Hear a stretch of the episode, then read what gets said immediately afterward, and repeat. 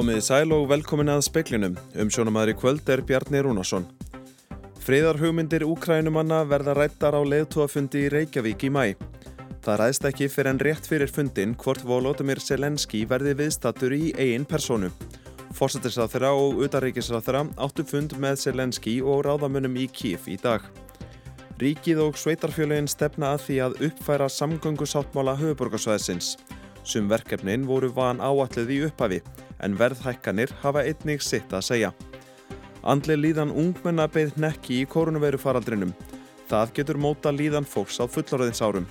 Þetta sínir nýrannsókn háskólans í Reykjavík. Verði full orkurskipti að veruleika markfaldast raforkunotkun heimilana. Stjórnvöld verða að sína að þeim sé alvara með markmiðum sínum, segir deildastjórir kerfistýringar Rarek.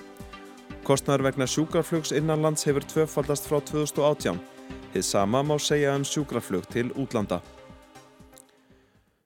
Katrín Jakobsdóttir fórsættisráð þeirra og Þórtís Kolbrún Reykjörð Gilvadóttir utanríkisráð þeirra ferðust til Úkrænu í dag þar sem þær kynntu sér aðstæður í landinu rúmlega ári eftir reynrás rúsa.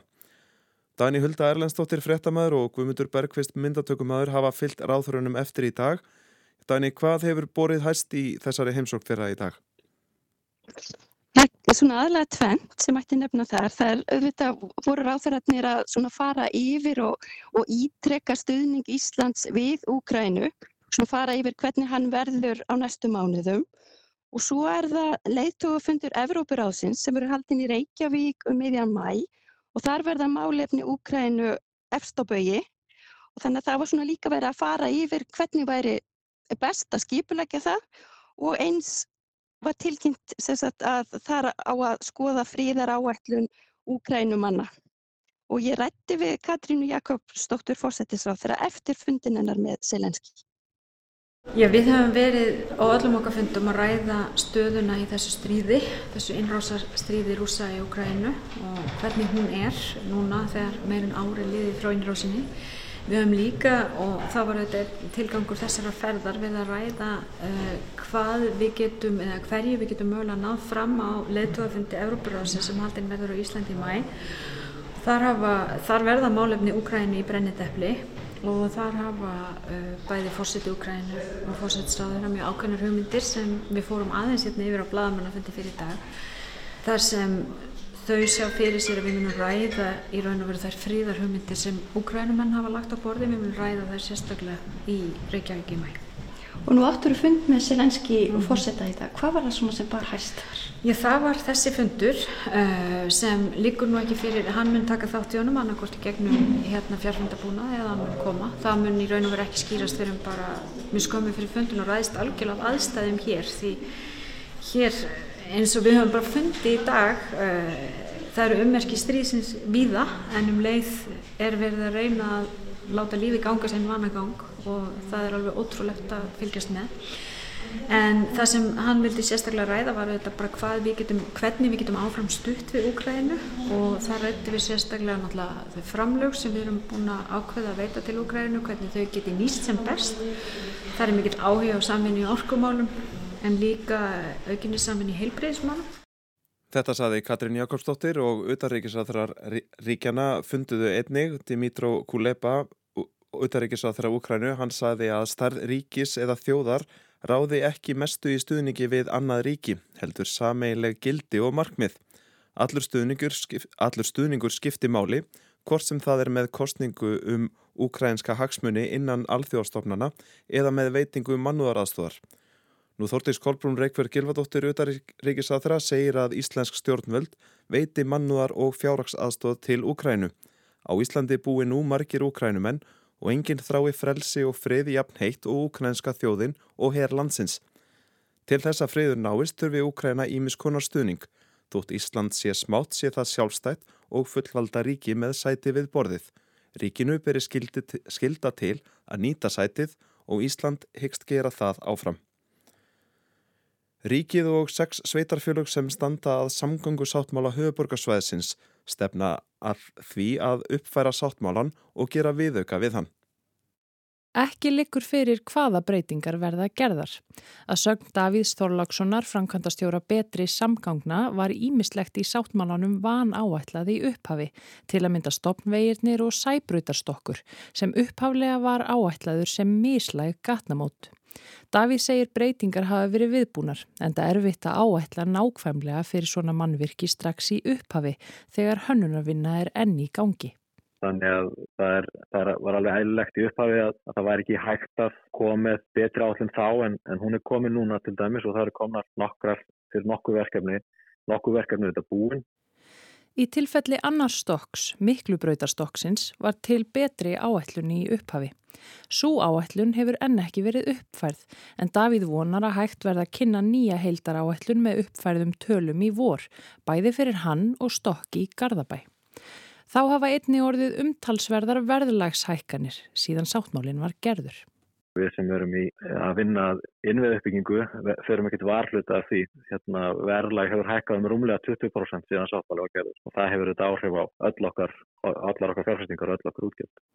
Davíð kannast ekki við að sveitarfjölög hafi þrýst á breytingar eða jafnvel að hætt verði við einhver verkefni. Ég hef ekki fundið fyrir því, ég hef bara fundið fyrir mikill samstöðu hjá hlutónum. Ég held að það sé mikill villi hjá kjósendum, borgarbúum, íbúum á höfðborgarsvæðinu og, og þar með þetta sveitafélagunum og ríkinu að það þurfi að, að fjárfesta vel í sangugumálum á höfðborgarsvæðinu. Saði Davíð Þorláksson, Gunnhildur Kjærulf Birgisdóttir tók saman. Tæplega þrítur Karlmaður sem grunar er um að hafa hleyft af skotvopni á skemmtistanum Döblinir í miðborgar Reykjavíkur á sunnundagskvöld hefur verið úrskurðaður í gæsluvarðhald fram á næsta föstudag. Lörglann fór fram á viku gæsluvarðhaldi yfir manninum á grundvelli rannsóknarhagsmuna. Gæsluvarðhaldi yfir manninum rennur út á föstudag klukkan fjögur. Skísla var tekin af manninum í dag. Grímur Grímsson yfir lauruglu þjótt hjá miðlægri rannsóknadel lauruglunar á höfuborgarsvæðinu sem stýrir rannsókn málsins segir að ekki verði gefið upp hvað kom þar fram. Nokkur vitni hafa verið yfirherðað sögn Gríms en engin annar en grunaður um að, er grunaður um aðild að málinu. Að öðru leiti tjáur laurugla sig ekki meira um málið að sinni. Kostnaður vegna sjúkraflugs hefur tvöfaldast á síðustu fimm árum. Þetta kemur fram í svari heilbreyðsraðra við fyrirspurn Guðrunar Hafsteinsdóttur, Þingmáls sjálfstæðisblokksins. Í svarinu kemur fram að árið 2018 hafi heildarkosnaður vegna sjúkraflugs mýflugs verið 535 miljónir króna en kosnaðurinn fór vel yfir miljardi fyrra. Flugferðum mýflugs vegna sjúkraflutninga hefur fjölgað lítilega. Árið 2018 voru farnar 808 ferðir en 888 í fyrra. Þá var þyrla landhelgiskeslunar köllið út 495 sinnum til sjúkraflutninga á árunum 2018 til 2022 sem dreifist nokkuð jamt milli ára. Af þeim ferðum greitu sjúkratryggingar Íslands fyrir alls 151 ferð samtals 220 miljónir króna. Landhelgiskeslan greiti fyrir rest samtals 2,4 miljardakróna að meðaltali 427 miljónir á ári. Kostnaður vegna sjúkraflugs til útlanda hefur hækkað í samræmi við sjúkraflug innanlands. Árið 2018 var kostnaðurinn 103 miljónir en var í fyrra 209 miljónir. Í langflestum tilfellum var lendi í Gautaborg vegna líffæraskipta. Einnig var farið til annara norræna landa vegna bráðraveikinda sem ekki er hægt að sinna hér á landi. Hámarks viðbrakstími fyrir F1 og F2 útköll eru almennt 35 mínúndur en 105 mínúndur í þeim tilfellum þegar að annað útkall er í gangi. Árið 2020 var viðbrakstímin heldur lengri að meðaltali eða yfir 40 mínúndur og segir í svari heilbreyðisræðuneyti sinns að COVID-19 gæti þar hafa haft áhrif. Miðgildi viðbrakstíma helst svipað og árinni kring. Hafði Selga Helgadóttir tók saman.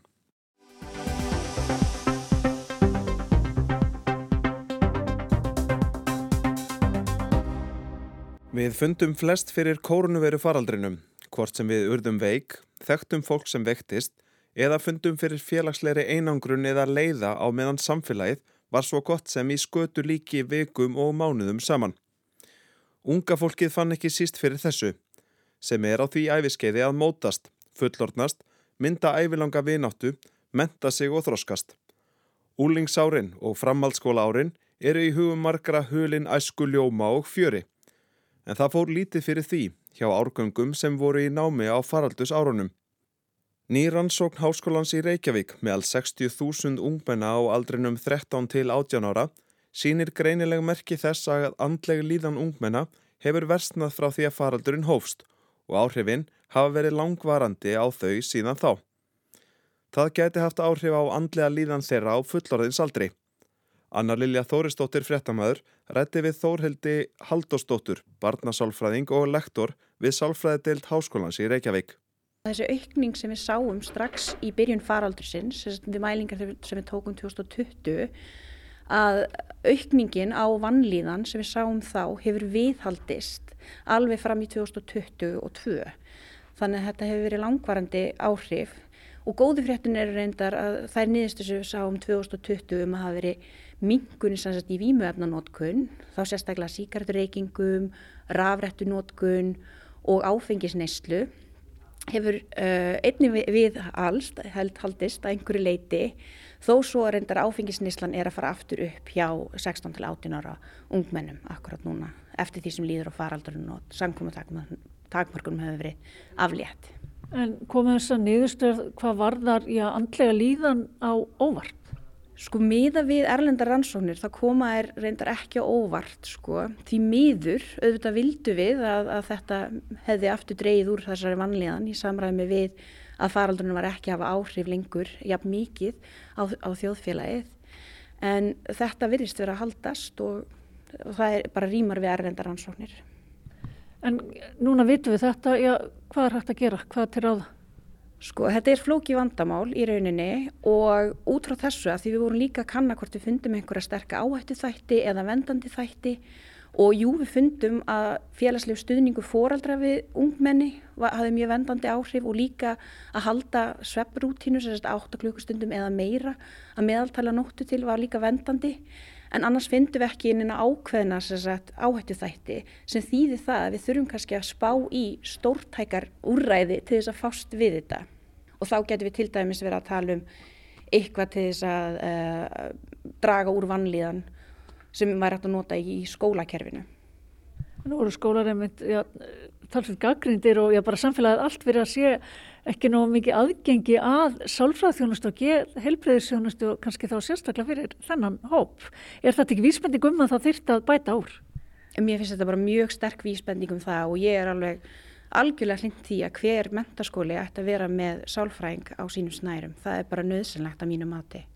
En núna sínir ansóknu þetta að stórlut ungmenna 13 til 18 ára, ég býr við langvarandi já, andlega erfileika, gæðran erfileika kjölfar koronaviru faraldisins. Ég er þetta ekki, ég gæti þetta varað fram á fullanarsárin. Það eru góða líkur af því að því við vitum alveg að þetta aldustímabil svolítið uh, stimplar fólk inn hvað var það geðheilsu og þetta er það sem tekur með sér sem veganesti inn á fullanarsárin. Þannig að þetta bendir til þess að við þurfum að spá í úrræði sem eru svolítið stórtæk til þess að geta dreyið úr þessu og rannsóknir hafa líka sínt, jú þetta jógst í COVID en það sem er líka mjög mikilvægt að átta sig á er að hana, það hefur verið aukning á vannlíðan hjá ungmennum, sérstaklega þessum aldurshópi sem eh, fer lengra aftur heldur en bara þetta tímabil. Þannig að þetta er bara ennþá meiri hana, aukning heldur um höfum verið að sjá. Er kynjamunur?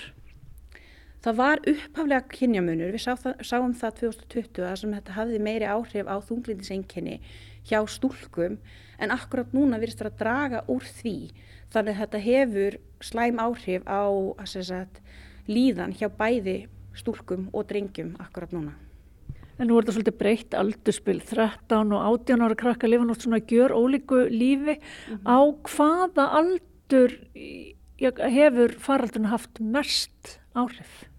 Sko þetta hefur haft áhrif heilt yfir en það er rétt, þetta er stort bil hér og við vitum líka 16 til 18 ára ungmenni er, það er akkurat aldrun það sem þunglindisenginni er að fara mjög, að aukast yfirleitt en við erum þá, þó sérstaklega að sjá þessi áhrif hjá þeim hóp reynda síni þessi rannsókn að þetta sé meira heilt yfir frekar en einhver ákveðin aldurshópur. Þetta segja rannsóknirnar, en hvað segja ungmennin sjálf? Við skulum heyra í nokkrum mennskalengum um líðan þeirra í faraldrinum og í kjölfar hans. Við náttúrulega mistum af hvað einu og halvu til næstu eiginlega bara tveimur árum í mentaskóla. Þannig við erum svona eiginlega bara svona næstu upplast í fyrst skipti, það má segja. En ekkert eitthvað alvarlegt sko, þú veist, við gátum alveg gert fullt og þannig. En finnst þér þú sjáða mikið svona í kringu þegar krokkum líður illa eða verð heldur en áður?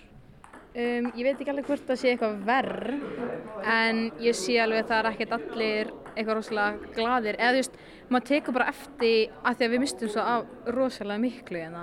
Þannig að maður tekur bara svona eftir þegar að við fyrum að gera allt í fyrsta skipti hvað við höfum verið til í að fá þetta allt. Og líka því að mennskóli eru þrjú ár þannig að við reynir bara þú veist, já í eitt ár hérna. En ef það verður fjögur þá verðum við ennþá hefðum við eitt ár eftir. Já, það var alveg til það Við verðum alveg til í fjögur ár. Eitt ár viðbútt Sko, náttúrulega COVID byrjaði þegar ég var í nýjendabæk sko svo þegar maður var komin í tíundabæk var þetta búið sko svo byrjaði þetta aftur á fyrsta ári í mentaskóla en það var bara einhverja nokkra mánuði sko en, veist, nú til dags er ég er ég ekki valvið þetta sko. Mér finnst líka bara að vera heldið hafingisamið sko. Fyrir utan náttúrulega símanótkunn og svona samfélagsmiðluna. Geðelsan hjá allavega krökkum að meðan COVID stóð þá var hún allavega, maður tók alveg eftir að hún var alveg verri heldur en hún var fyrir COVID. En þú veist svona, núna eftir að við byrjum aftur í skólunum og svona, þetta er alveg, mér finnst það alveg verið að ganga tilbaka, mér finnst þeir allir orðnir, þú veist, allt, allt alveg í lægi núna og allir alveg góðir, ég er allavega ekki búin að taka eftir neittni, þú veist svona, geðelsu vandamálum eða neitt svoleiðis núna allavega. Ekkert, já, en þú veist, mín skólinn er allavega svo að allavega allt komið tilbaka og ég er allavega ekki búin að taka eftir að neittni er eitthvað, líður eitthvað illa og mér persónlega bara, líður bara mjög vel skólanum eftir að COVID hætti, en svona eftir að við fengum að byrja aftur að vera saman og svona, þá er þetta alveg árað fínt, sko. Þarna heyrðu við í þeim Júliu Nótt Kök Stengrimsdóttur, Sonju Lind Sigsteinsdóttur Eið Áka Arnarsinni og Marju Mist Arnardóttur. Anna Lilja Þóristóttir rætti við þau og Þórhildi Haldóstóttur.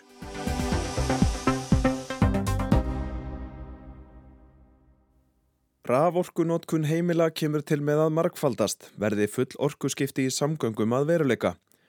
Kjartan Rolf Árnason, deildastjóri kerfistýringar hjá Rarik, segir mikilvægt að stjórnvöld síni að þeim sé alvara með markmiðum sínum. Það þurfi að byggja upp hratt ef þú setur þessar stærðir í samhengi þá orku sem það þarf? Ef við hugsaum til dæmis um einn rafbíl þá er það svona fyrir dreifi kæri svona sipað eins og eitt venilegt heimili. Eitt stór bíl eins og til dæmis uh, drukkur, það geti kannski verið sipað eins og 100 heimili slikt. Svo hvert heimili með eh, kannski hvað, eitthvað bíl, 1,6 bíla meðaltali? 1,6 bíl, já. Sko það að heimili sé með 1,6 bíla meðaltali það þýðir að það er mjög algengt að það séu 2-3 bílar hverju heimili. Þannig að já, við sjáum fram á það að heimilisnokkum hún munir markvaldast. Ræður kerfið við það? Upp á vissu marki. Þannig reynir bara bætist við, sko mörguleiti kannski heilt reyfi kerfi til viðbútar sem að þarf þá að að regga upp á, á svona í, í þessu samiki mjög skammum tíma. Sko 5-10 ár fyrir eh, uppbyggingu í ráðurkukerfi til til að skammu tími. Og sko, við erum alltaf að byggja upp fyrir 30-40 ár. Þá erum við komið langt út fyrir það svegrum sem við erum vöna að mæta í hefðbundinu uppbyggingu og það, það, þetta er einhvers konar bylting, svona orkuskipta bylting. Og hleypur þá á hvað 100 miljardar eða Ég get ekki nefnt einhverja svona heildartölur, það er bara að liggja ekki á borðinu. En við erum að tala um verulegar fjárhæðir. Og við hugsaum bara um þá innviðið sem eru til staðar núna, Já. þá orkunótkun sem að samfélagið þarf. Þessi orka sem að fer í bílaflótan, stóra og smáa bíla, að þetta fer allt í gegnum dreifikerfi dreifiveitna sem er bara lítið hluti að ráðurkerfinu og í dag er það að þjóna þessu almennu þörfum samfélagsins ég og þú og öll fyrirtækin í landinu. Og það er orkunótkun í dag sem er svona fjóra terafastundir aukningin er kannski 60-70% ofan á það bara í þessum orkuskiptum fyrir bílaflottan ein, ein, einánu sér. En svo erum við náttúrulega líka að tala um um aflið þar segja hvað þarf að miklu orku í einu og því að sko dreifikerfið og rávorkukerfið það þarf alltaf að þjóna mesta álægina og þá erum við kannski að horfa á staðir sem eru svona í dag einhver staðar svona í jæðri dreifikerfisins að það er engin byggðar en mjög vinsæli ferðamannastæðir og allt í hennu verður þetta mjög stóri rálaspunktar í okkar kerfi. Þarna þarf vantilega mjög miklu uppbyggingu. Já, það þarf. Við hugsaum bara um Guldfoss og Geysi. Í Guldfoss geti endað með álega svona svipað eins og eitt eða tvö snefisnes. Við erum náttúrulega bara rétt byrjuð að sjá hvað er að gerast. Ef við erum að tala um bara að hætta allir þessari óljónótkun þá í rauninni eh, þurfum við að fara að huga að þessu bara nú þegar. Allur aðdragandi að uppbyggingu ef við erum að tala um það að, að það þarf að fara að styrkja flugniskerfi landsnets til dæmis, auka afhendingagetu á svæðum sem er kannski takmarkuð í dag, norðaustur svæðið og víða um landsbyðina sem vantar í rauninni flutnisgetu og ég held að vantir flutnisgetu inn á höfuborgarsvæði líka að þá eru þetta náttúrulega framkvæmdi sem að taka mörg ár í undirbúningi. Þannig við getum ekki í rauninu bara beðið eftir því að, að sko einhver banki að dittnar og segist þurfa svo, svo mikið rammagni í orkusskipti. Það er engin slíkur aðili. Þetta er allt samfélagið í, í, í, í svona smáum einingum sem er að byggja um þetta. Og við þurfum náttúrulega líka að eiga gott samtal sko við rauninni þá sem að er að byggja upp hlæðslu innviðin á móti og þá sem eru stórnótendur eins og í vöruflutningum og hópflutningum og, og ferðarþjónustunni til þess að kortleggja rauninni hvernig hvar uppbyggingin þarf að eiga sér stað og hvernig henni best fyrir komið. Í þessu er best að allir gangi takt og til þess þarf samtal. Mm -hmm. Stjórnvöld þurfa líka að gangi takt og öll stjórnvöldin líka. Við þurfum alltaf fyrst og fremst að bara fá sverum til þess að vinna verkefnið og, og hérna eh, öll, eh, allur fyrirsjáanleiki er mjög mikilvægur auðvitað. Þannig að það sem að við þurfum að sjá auðvitað að markmið stjórnvalda að, að, að það sé eitthvað sem að stjórnvalda ætla að standa við, bakka upp með þeim aðgerðum sem er nöðsynlegar. En það er einfallega miklu fljóðlegar að kaupa bíla heldur en að byggja upp rávorkukerfið. Uh, rávorkuverðið af því að þetta er svo svakalega uppbygging mm -hmm. erum við að fara að borga miklu meira er, er þessi rafbílavæðing að fara að lenda á, á almenningi yeah. þannig? Ég held að þegar uppi staði þá muni orkusskiptin borga sér sjálf og það er rauninni oljufustarnir sem að missa spónuraski sínum. En í byrjun á meðan við erum að ná upp nýting og innvöðunum þá, þá er ábyggilega einhver fjárhagsleik já og, og þá kannski er það bara spurningin sko Uh, til dæmis 5% þjóðurinn að búa í dreifbílissvæði Rarik og varðla er meiningin að þeir einir og sér standi undir svona viðtækru uppbyggingu á innviðum sem eru náttúrulega þjóna öllu samfélaginu. Þannig að samfélagsleg framleg er ábyggilega eitthvað sem þarf að koma til líka. Saði kjartan Rolf Árnason, Arnhildur Háldanadóttir talaði við hann og nánar verður fjallað um rafbílavæðingu í kveik í kvöld.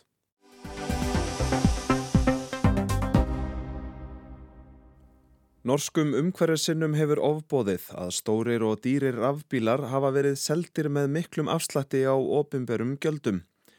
Rafbílinn hefur orðið uppáhalds farartaki ríkafólksins í útkverfunum og aukið á umferða þungan. En nú hefur ríkistjórnin skipt um akrein.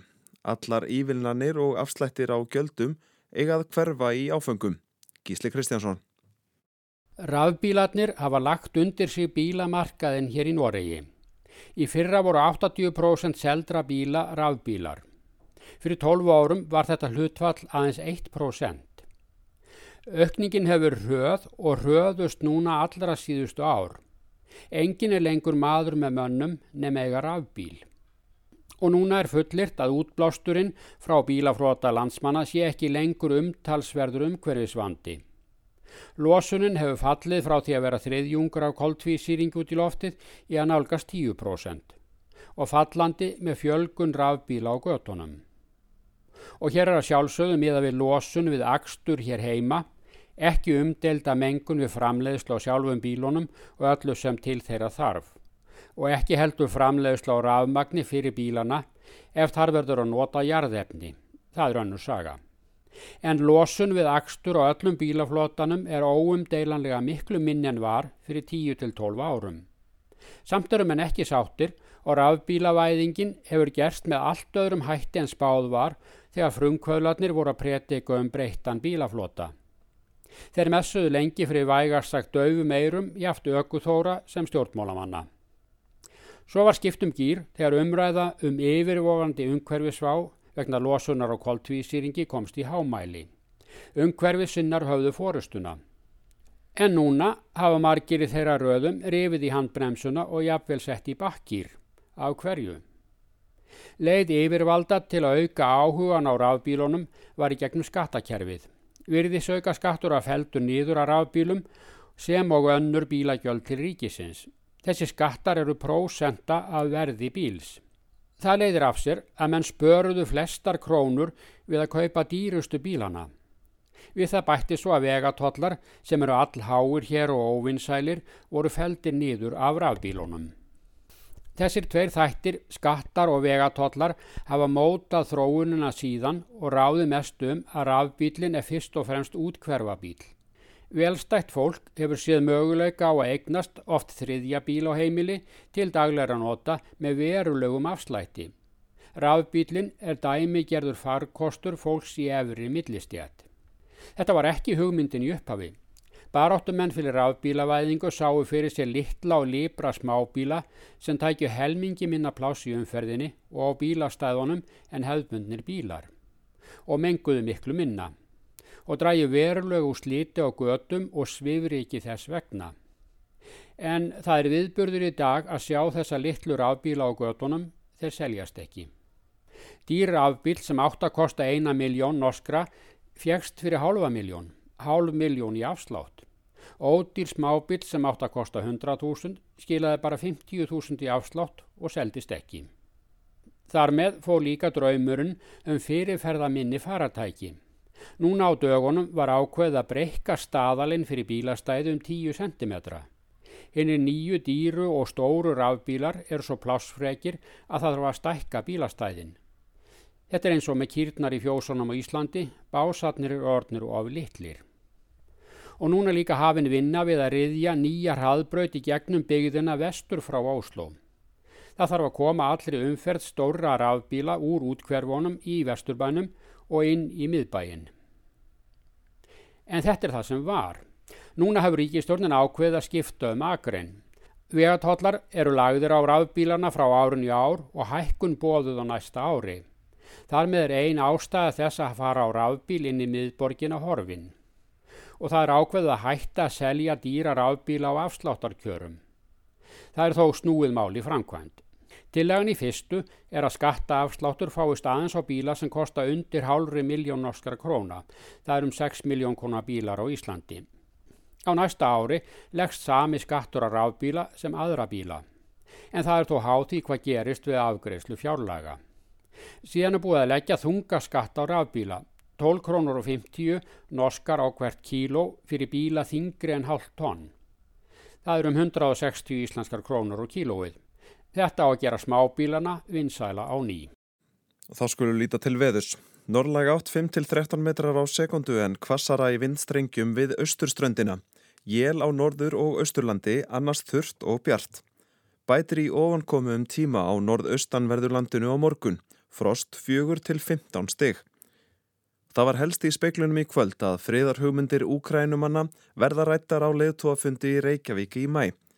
Það ræðist ekki fyrir en rétt fyrir fundin hvort Volodymyr Selenski verður viðstatur í eigin personu. Forsættisræðara og utareikisræðara áttu fund með Selenski og ráðamönnum í Kíf í dag. Ríkið og sveitarfélagin stefna að því að uppfæra samgöngusáttmála höfuborgarsvæðisins. Sum verkefnin voru van áallið í upphafi en verðhækkanir hafa einnig sitt að segja. Andleg líðan ungmenna beð nekki í kórnuverufaraldrinum. Það getur móta líðan fólks á fullorðinsárum. Þetta sínir nýrannsókn háskólans í Reykjavík. Verði full orkuskipti að veruleika markfaldast raf orkunótkun. Stjórnvöld verða að sína að þeim sé alvara með markmiðum sínum, segir deltastjóri kerfistýringar Rarek. Og kostnæður vegna sjúkraflugs innanlands hefur tvöfaldast frá 2018. Þið sama má segja um sjúkraflug til útlanda. Það er ekki fleira í speiklinum í kvöld. Tæknimaður var Jón Þór Helgason.